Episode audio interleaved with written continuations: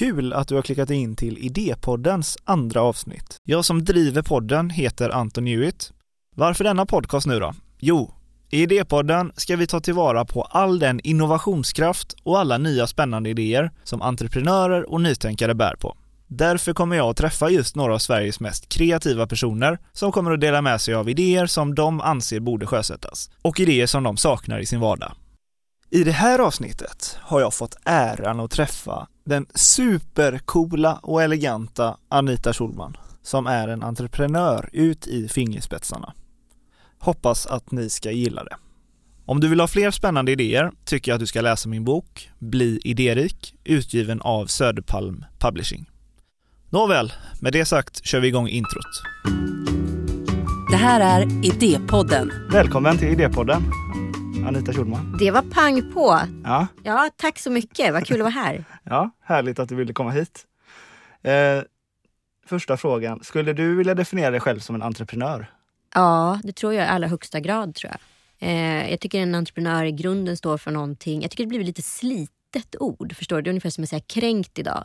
Det har ju en mycket större betydelse eller ett superlativ vilket som helst. Eh, man säger sig fantastiskt. Fantastiskt är ju något otroligt, alltså något enormt. Men det gödslar ju vi med lite hur som helst. Och entreprenör har också blivit ett sån typ av ord som vi lite gödslar med. Eh, förr i tiden så var ju en, en egenföretagare en egenföretagare, en entreprenör, det var ju någon som verkligen hade kommit på något nytt och kunde förändra någon typ av bransch eller hade kommit på en idé.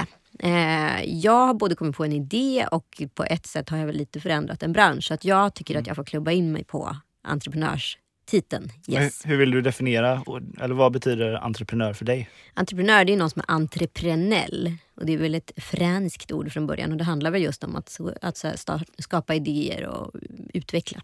Nej, men en, en entreprenör är någon som har faktiskt genomfört något och lyckats med något tycker jag. Ja, så man kan inte vara entreprenör utan att man har gjort något? Jag tycker att man kan vara en egenföretagare och man kan vara i en startup. Och sen så när du väl blir entreprenör, det blir du när du har liksom genomfört det.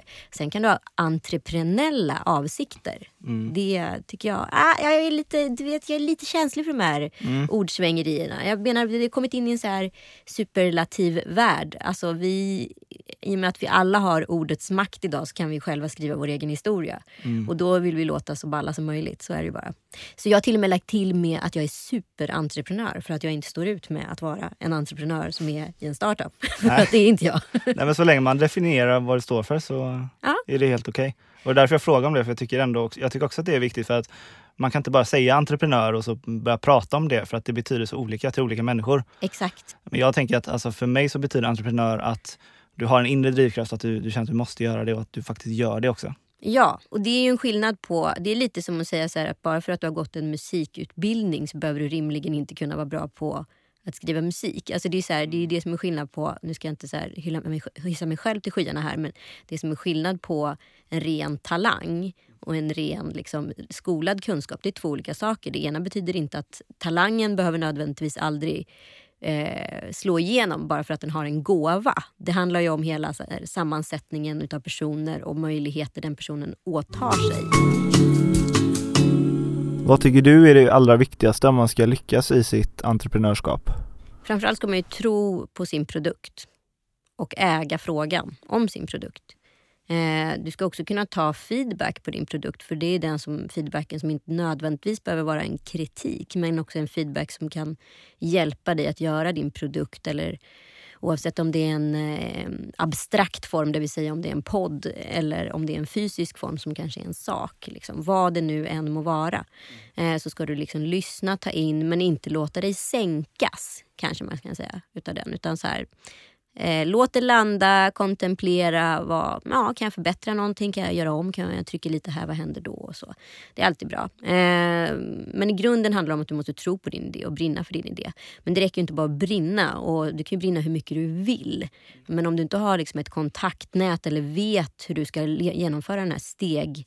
Alltså det är ju egentligen kanske 10 eller 12 steg du måste gå igenom för en realisering. Det vill säga så här, från idé till att du har en produkt på marknaden. Det kan ju vara liksom tio år. Det vet du inte när du börjar resan. Det är därför jag tycker det är så dumt att säga så här, hej jag är entreprenör, jag kom på en skitbra grej.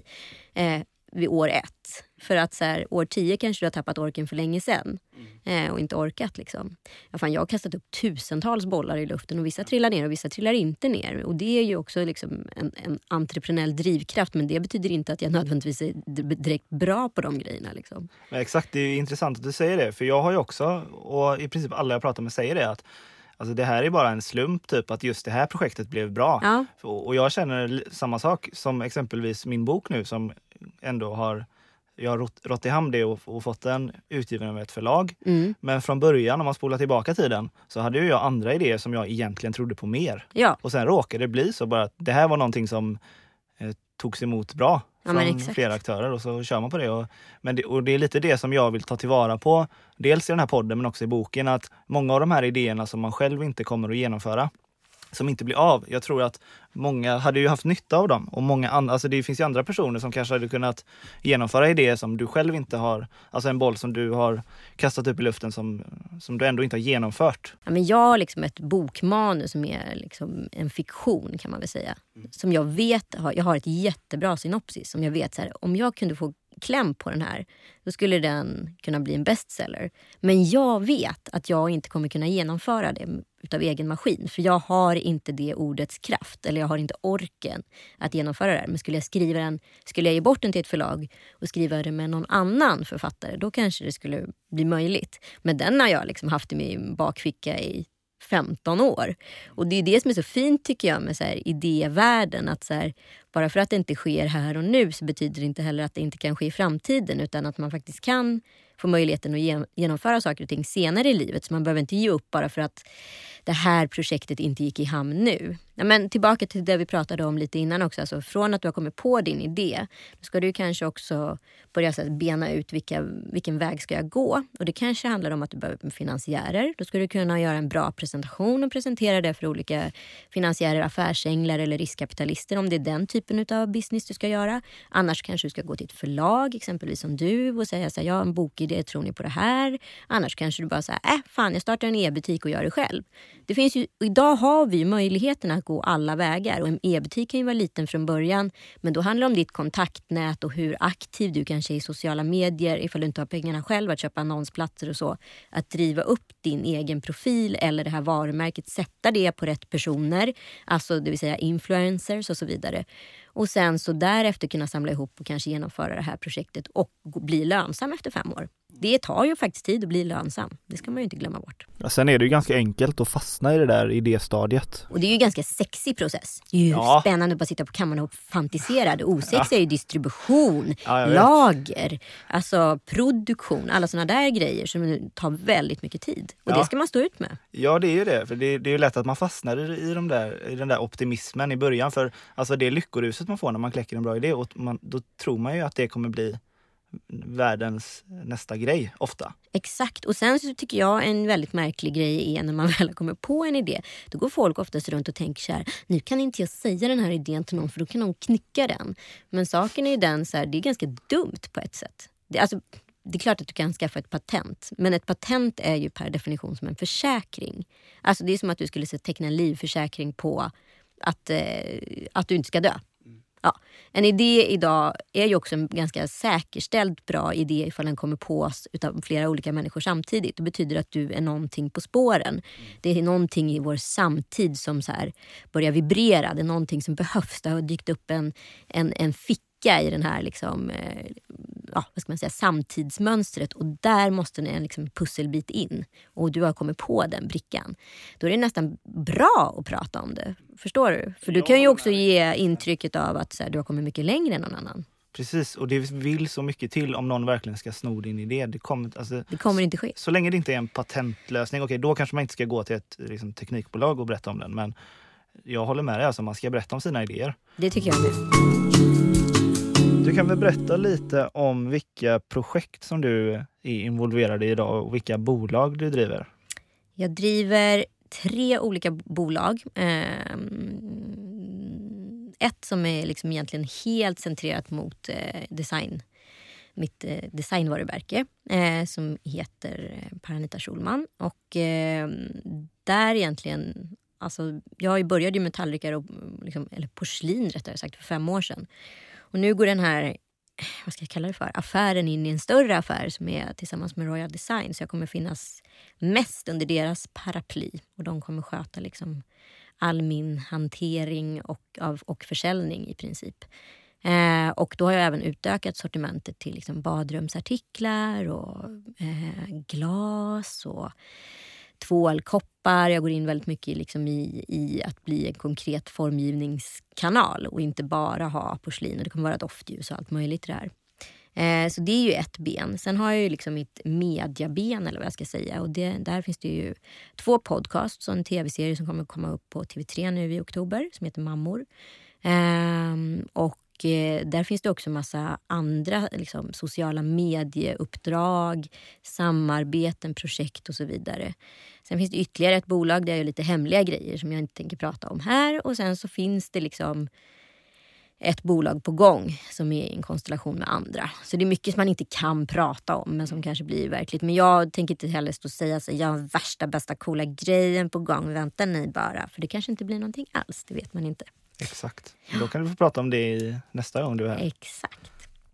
Så det är, liksom, det är, det är en ganska spretig men för mig väldigt tydlig eh, arbetsuppgift. Alltså, det finns mediabenet eller sociala mediebenet och mediabenet. Eh, och sen så finns det den här designbenet.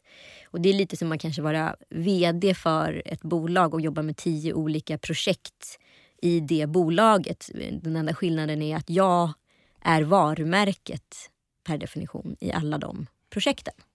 Um, det var faktiskt en intressant eh, definition av det. Ja, men då blir det lite mer konkret tror jag. För annars säger folk så bara, du är en himla mångsysslare, vad roligt.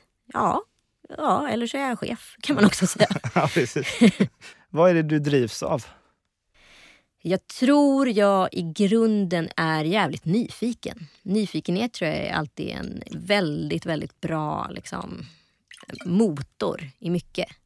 Eh, om man är nyfiken så kommer man liksom omedvetet medvetet ta sig an allt från eh, ny, nya böcker böcker, man kanske vill läsa på om ett ämne som man inte har lite, riktigt koll på. Man kanske undrar, jaha, vad är det för konstig grej alltså, jag hittar på gatan, vad är det för något? Alltså, det kan vara vad som helst. Jag tror nyfikenhet i grunden är en jätte, jättebra motor.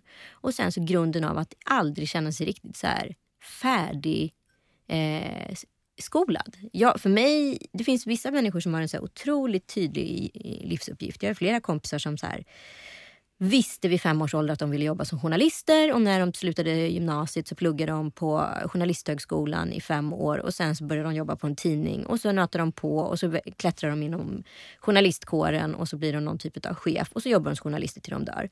Ja. Den, den, bit, den liksom drivet är ju också ett jättecoolt driv men det har ju inte jag. Jag skulle dö om jag skulle jobba med samma sak som jag gjorde när jag var 19 år. Mm. Även om jag, min, mitt yrke har förändrats och bytt kanske bolag tio gånger så skulle jag ändå tycka att så här, vad fan, jag gör ju samma jävla saker. Liksom. Mm. Eh, så att för mig har det liksom aldrig funnits eh, den, alltså den utvägen har aldrig funnits för mig. Det har inte varit ett alternativ ens. Liksom om, I början tycker jag när man är så ung och vilsen och inte riktigt vet och som det var i mitt huvud ganska spretigt fram till jag var så 25. Jag visste att jag ville göra en väldig massa saker men jag kunde inte riktigt hitta min roll i det här. Och på den tiden, jag liksom växte upp på det glada 90-talet och 00-talet och då var det jävligt mycket coola killar och så var det praktiska tjejer. Och jag ville vara som de coola killarna men jag fick alltid vara en praktisk tjej så jag kände mig verkligen att jag inte passade på min roll. Å andra sidan fick jag ju träna upp att vara praktisk och i smyg vara kreativ. Och sen så när jag äntligen vågade ta steget ut och så säga upp mig från en fast arbetsplats och liksom börja jobba ut och göra själv. Då helt plötsligt började liksom allting landa. Då kunde jag använda mina färdigheter från det praktiska yrket men kunde få vara kreativ från min liksom, drömambition. Och det var en jävligt trevlig fusion. Så det är liksom aldrig kört, helt enkelt. Men känner du att du, eh, att, att du är på resa fortfarande eller känner du, att du är, känner du att du är framme och lever i någon slags målbild som du har haft innan? Att... Ja men på ett sätt kanske jag lever i en mål, målbild men det är ju liksom jag, alltså som jag ser det är jag alltid på resa. Alltså det här tåget går hur långt som helst om jag får bestämma. Nu har jag kanske gått av på en perrong och liksom har det lite gött ett tag. Men snart kommer jag hoppa på det där tåget igen och åka vidare. För att det är inte alls säkert att jag kommer jobba inom det här om tio år överhuvudtaget. Jag kanske gör något helt annat. Och det tycker jag är så jävla häftigt med livet. Ja, jag vet inte ens om jag bor i Sverige. Jag har ingen aning om hur min livssituation ser ut. Och det kan jag gå igång på under tiden många människor kan känna total rädsla. Ja. Att så här, oh, jag vet inte vad jag ska göra imorgon. Och det tror jag skiljer en entreprenör från en icke-entreprenör. Ja. Men har du alltid haft med dig det? Mm, alltid. Men liksom alltid haft siktet långt borta. Och mitt problem är ju snarare att jag har svårt att njuta av stunden och har svårt att liksom så här, nypa mig i armen ibland och så här, känna fan det går ju riktigt bra nu, ha kul. Nej, men, men jag håller på med den här grejen, det händer om tre veckor, jag måste förbereda. Alltså att jag hela tiden är längre bort än där jag är egentligen. Liksom. Men det du gör, tycker du det är väldigt roligt och givande? Jag kan säga att jag, just nu lever jag min dröm. Jag har väldigt roligt. Men det är också väldigt förenat med hårt slit. Mm. Det, är, alltså det går inte att här, inte säga att man inte behöver jobba hårt om man vill någonstans. Jag tror jag har jobbat mer vakna timmar än vad jag har sovit i mitt liv. Förstår du? Det, är liksom, ja. det har tagit sin tid och mitt jobb stannar inte heller riktigt av för att jag har alltid min mail i telefonen, jag har all, liksom, halva min plattform eh, i telefonen. Allt från sociala medier till bloggen, till Twitter, till poddar, till vad det nu är. All, all min statistik, allting finns där i. Och jag har också liksom den eh, praktiska kommunikationen, det vill säga samtal och sms och sådana saker i telefonen. Mm. Och ett att, privatliv utöver det också? och ett privatliv utöver det. Liksom. Och, men jag har blivit bättre och bättre på att stänga av vissa timmar. Liksom. Men hur hinner du med allt? Det vet jag inte riktigt. Jag tror grunden handlar om att man måste vara jävligt duktig på att planera. Det jag har förstått att många så här, kvinnliga entreprenörer eh, eh, liksom, eh, har problem med det är väl att få ihop eh, dagarna och tiderna och liksom känna att livspusslet går ihop. Eh, alltså så här, familjen blir trytande och så här. Och det handlar lite om att så här, sätta punkt. Alltså förstår du, liksom, våga sätta punkt för sig själv. Nu räcker det. Alltså så här, jag kan inte göra mer idag. Alltså alla, många som jag känner i min sam var liksom är ju så overachievers hela tiden. Och så springer de, springer och springer och springer och så går de in i väggen och så går de sönder och så gråter de och så mår de dåligt. Och det är ju dumt för då bränner du från två ändar. Då spelar det ingen roll hur duktig eller briljant eller fantastisk du är för att eh, då kommer du ändå inte komma någonstans. Liksom.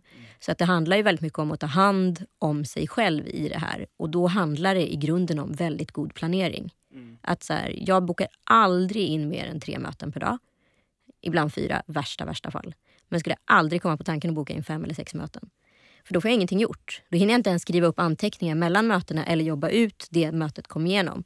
Eh, sen måste jag ha en till två helt nästan rena kontorsdagar där jag bara kan sitta och göra admin. Sen är jag ute oftast på inspelningar och gör alla möjliga grejer. Eh, två dagar i veckan. Och då försöker jag liksom kötta på två dagar ute på fältet och sen ska det vara admin. Liksom.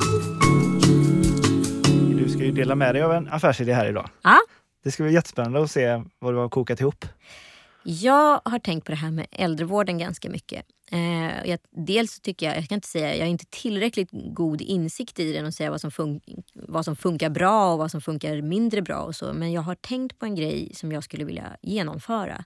Det är att så här, man pratar om när man lite så romantiserar sin framtid. Så här, Fan, vore det inte härligt om vi typ så här hade ett sjukt härligt hus. Typ med små lägenheter i, kanske sex olika lägenheter. Och så kanske man har två gemensamma lägenhetsytor, exempelvis allrum eller kök eller någonting. Så man kan välja att umgås eller så kan man välja att inte umgås och stänga in sig i sitt. Och sen så i det här huset som man kanske börjar redan betala nu till någon slags fond, alltså sparfond för pensionen. Liksom. Så skulle det vara kopplat på lite olika tjänster. Det kanske ska komma en massör ibland, det kanske kan komma någon och fixa ens hår, det kanske kommer någon och klipper gräset, det kanske eh, kommer någon och lagar mat ibland och städar och håller ordning. Som att det är liksom som ett, eh, vad ska jag kalla det för, lägenhetshotell på ett sätt. Eh, det finns massa så amerikanska faciliteter om man säger så, fast man bor så. Sen så tycker jag att det som kopplas på på det här det är att man hänger då i Sverige under ett halvårs tid. Sen i den här fonden då har man tillräckligt mycket pengar att kunna ha en ganska trevlig utlandsvistelse det andra halvåret så att man kan sticka det här lilla kollektivet då och göra samma sak först kanske i Thailand eller kanske i USA eller kanske i Brasilien eller liknande. Så att det finns en gemensam pott där alla har sparat ihop att kunna bo utomlands ett halvår och vara i Sverige ett halvår. Och det där halvåret utomlands kan man exempelvis hyra ut hemmet till studenter eller liknande. Så att det finns en win-win för både unga och gamla. Ja, nej men eh, intressant. Ja, jag tror det. För jag tror så att vi kommer ju vara... Nu pratar vi ju om att... Jag, det jag tänker väldigt mycket på det är att människan idag går i pension vid 65 eller 67 får vi jobba till. Men människan har ju blivit väldigt mycket äldre sen det här pensionssystemet eh, upprättades. Alltså idag blir ju de flesta eh, över 90 som lever ett, liksom ett friskt liv. På den tiden när pensionssystemet inrättades så blev ju vi ungefär, ja, då kanske vi var, blev i bästa fall 80. Så då hade vi 15 goda år kvar att leva. Idag lever vi 25 år utan att jobba, kanske mer. Det är väldigt lång tid. Och jag tror idag att de flesta gamlingar, till exempel Bruce Springsteen som är liksom, ja, 69 är han väl, eh, står på scen och liksom giggar. Det är den typen av pensionär vi har idag. Han kommer ju inte bli gammal förrän han är 80 och då måste det ju finnas någonting för oss att göra som kommer bli 65 och kanske inte alls vara slut i kroppen eller trötta på att stå vid bandet eller har ett kanske ganska roligt jobb till att börja med. Mm. Så jag tror att så här, människan har blivit äldre. Vi måste bara börja ta hänsyn till det och hur ska det livet se ut? Ja, men det är en spännande idé och jag tror också att eh, det här blir en konkretisering av ett pensionsspar. För nu är det så här, ja, du ska pensionsspara 500 i månaden. Exakt. Ja, till vad? Och så vet folk inte vad det innebär och hur mycket de kommer få ut när de är då, när de går i pension. Här blir det ändå väldigt konkret. Liksom. Spara 500 kronor i månaden till utlandsresan när du är 80 år med ja. dina kompisar. Precis, jätteroligt. Så att det, här hade, det här uppmuntrar ju folk till att spara pengar. Exakt, för som jag kan se, jag tror också folk är desillusionerade här för att säga oj jag har en miljon i APT-fond, wow! Liksom. Det, ta bort 30 i skatt på det, ta bort andra omkostnader, det slutar med att det är 400 000. 400 000 är lite mer än en årsinkomst. Det ska då fördelas kanske på tio år. Ja, det blir inte så mycket kvar, det är 40 000 per år. Alltså du vet, när man börjar så hacka ner kakan så blir det inte så mycket pengar. Så det finns en stor viktighet att spara till sin egen pension. Jag har i alla fall ambitionen av att bli gammal. Och man kan inte så här, det löser sig. Jag, jag har en egen far som har varit drabbad av det där som inte alls pensionssparade någonting. Och han lever liksom på absoluta svältgränsen. Tur, som tur var har min mamma en bra pension. Men om inte hon hade funnits i livet så hade ju det varit katastrof för honom. Och då hade jag fått ta hand om honom helt enkelt. Ja, nej men det är en spännande idé. Men du kommer inte köra på den här själv då? Jo, jag håller på och försöker upprätta det här. Mm. Så att, eh, men jag kommer inte kunna... Just nu har jag i alla fall inte orken att genomföra den för andra. Men eh, om det är någon som är intresserad av att prata vidare så kan man gärna höra av sig i info anitaschulman.se. Hon svarar på alla mejl också mail. Exakt, min kontakt finns i min Instagram-profil. Eh, men vad är det första steget du tycker att man ska göra i den här idén? Eh, nej men framförallt ska man behöva göra en marknadsundersökning och kolla liksom om intresse finns och vilka behov som finns. Jag menar, eh, det är ju också så här eh, demografiskt orienterat. Om jag bor i liksom Småland, i en liten ort, då kanske mina behov ser helt annorlunda ut än vad det gör i en storstad. Så jag kan ju inte säga att just den här paketmodellen kanske funkar på Ove i Värnamo. Liksom. Eh, utan Eh, man får väl utgå från lite olika behovstänk här och försöka kanske sy ihop tio olika paketlösningar helt enkelt. Och sen så är bostadskostnaderna och de omkostnaderna oerhört olika beroende på var man bor i Sverige också. Så om man nu ska ha, titta på möjligheten att köpa ett hus och inrätta lägenheter och gemensamhetsytor och så vidare. Det känns som att man kanske skulle haft med sig någon investerare på kroken här också. Det tror jag man måste ha i det här fallet. Mm. Men jag tror att det är en kul grej för de som jobbar inom eh, den privatiserade vården eller pensionssystemet att titta på. Jag uppfattar det i alla fall som jäkligt duktig på marknadsföring. Ja, det tror jag. Jag är utbildad marknadskommunikatör. Eh, ja, då hade jag rätt feeling där. Ja. Eh, hur skulle man kunna utnyttja det? Eller hur, hur skulle man kunna marknadsföra det här på bästa sätt? Jag tror inte det här är direkt svårmarknadsfört överhuvudtaget. Jag tror liksom att så här, alla har spekulerat på kammaren vad man vill göra när man blir gammal. man pratar om den där kanske balkongen i Nice eller att man sitter på en terrass i Spanien eller vad man nu gör och ser, pratar om sin pension. Det här är ju samma koncept bara att den här balkongen i Nice kanske är instiftat ett, halv, ett, ett halvår i taget. Liksom. Eh, och det övriga halvåret får du hänga med de dina bästa kompisar under trevlighetsformer. Men du har en dörr att stänga in dig. Det är inte Big Brother enbart utan du har en gemensamhetsyta om du vill göra någonting gemensamt. Annars kan du ha din, ditt helt egna privatliv också. Det vore ju fantastiskt. Ja. En grej som vi inte har pratat om här det är ju den ekonomiska biten. Mm. Drivs du av pengar mycket? Ja, det blir så. Liksom. Alltså, jag tror i början... Jag tror alla i grunden att alla idéer ska vara sprungna ur kär, utav kärlek och inspiration och nyfikenhet. Det tror jag verkligen. Men om du inte kan göra någonting för att överleva. Alltså om du inte kan realisera en idé som du inte kommer vara lönsam med. Då kommer du inte heller ha en morot. För jag menar, när du har kommit i förbi den här sexiga idéfasen där du bara idéar ut och är kreativ och skapar och pratar med folk och eh, tänker och liksom är på ett planeringsstadie. Då kommer du in i det här, allt vad det nu är. Om det nu är distribution, om det nu är marknad, om det nu är liksom logistik eller vad det nu handlar om. Vad du än gör så kommer du komma till en administrativ bit av din process. Och inser du då att den administrativa biten inte kommer vara lönsam då kommer inte du heller ha orken eller drivet att genomföra det. Men ser du att det finns en morot på andra sidan som heter cash, då kommer du kunna fortsätta driva. Vad tror du att man skulle kunna tjäna på en sån här grej? Ja, det beror ju på om det är en, en stor aktör motsvarande Capio eller liksom någon annan eh, vårdbolags eh, organ som går in så kan de säkert räkna ut en trevlig marginal, eh, marginalvinst på det här. Men sen kan man ju om man gör en egen fond exempelvis kan man göra en avkastning till sig själv kanske per år. Beroende på hur mycket som blir kvar. Men sen har jag hört att du har ett patent också. Ja, Kan inte du berätta om det? jo. Ja, men som jag sa tidigare, man kastar ju upp liksom 10 000 bollar i luften och vissa trillar ner, vissa trillar inte ner. Eh, men jag har lagt ner väldigt mycket tid på två idéer. Det ena var en rakhyvel för tjejer och den kom jag på för ungefär 12-13 år sedan som jag verkligen försökte få realiserad. Men patentbranschen är väldigt speciell och väldigt kostsam.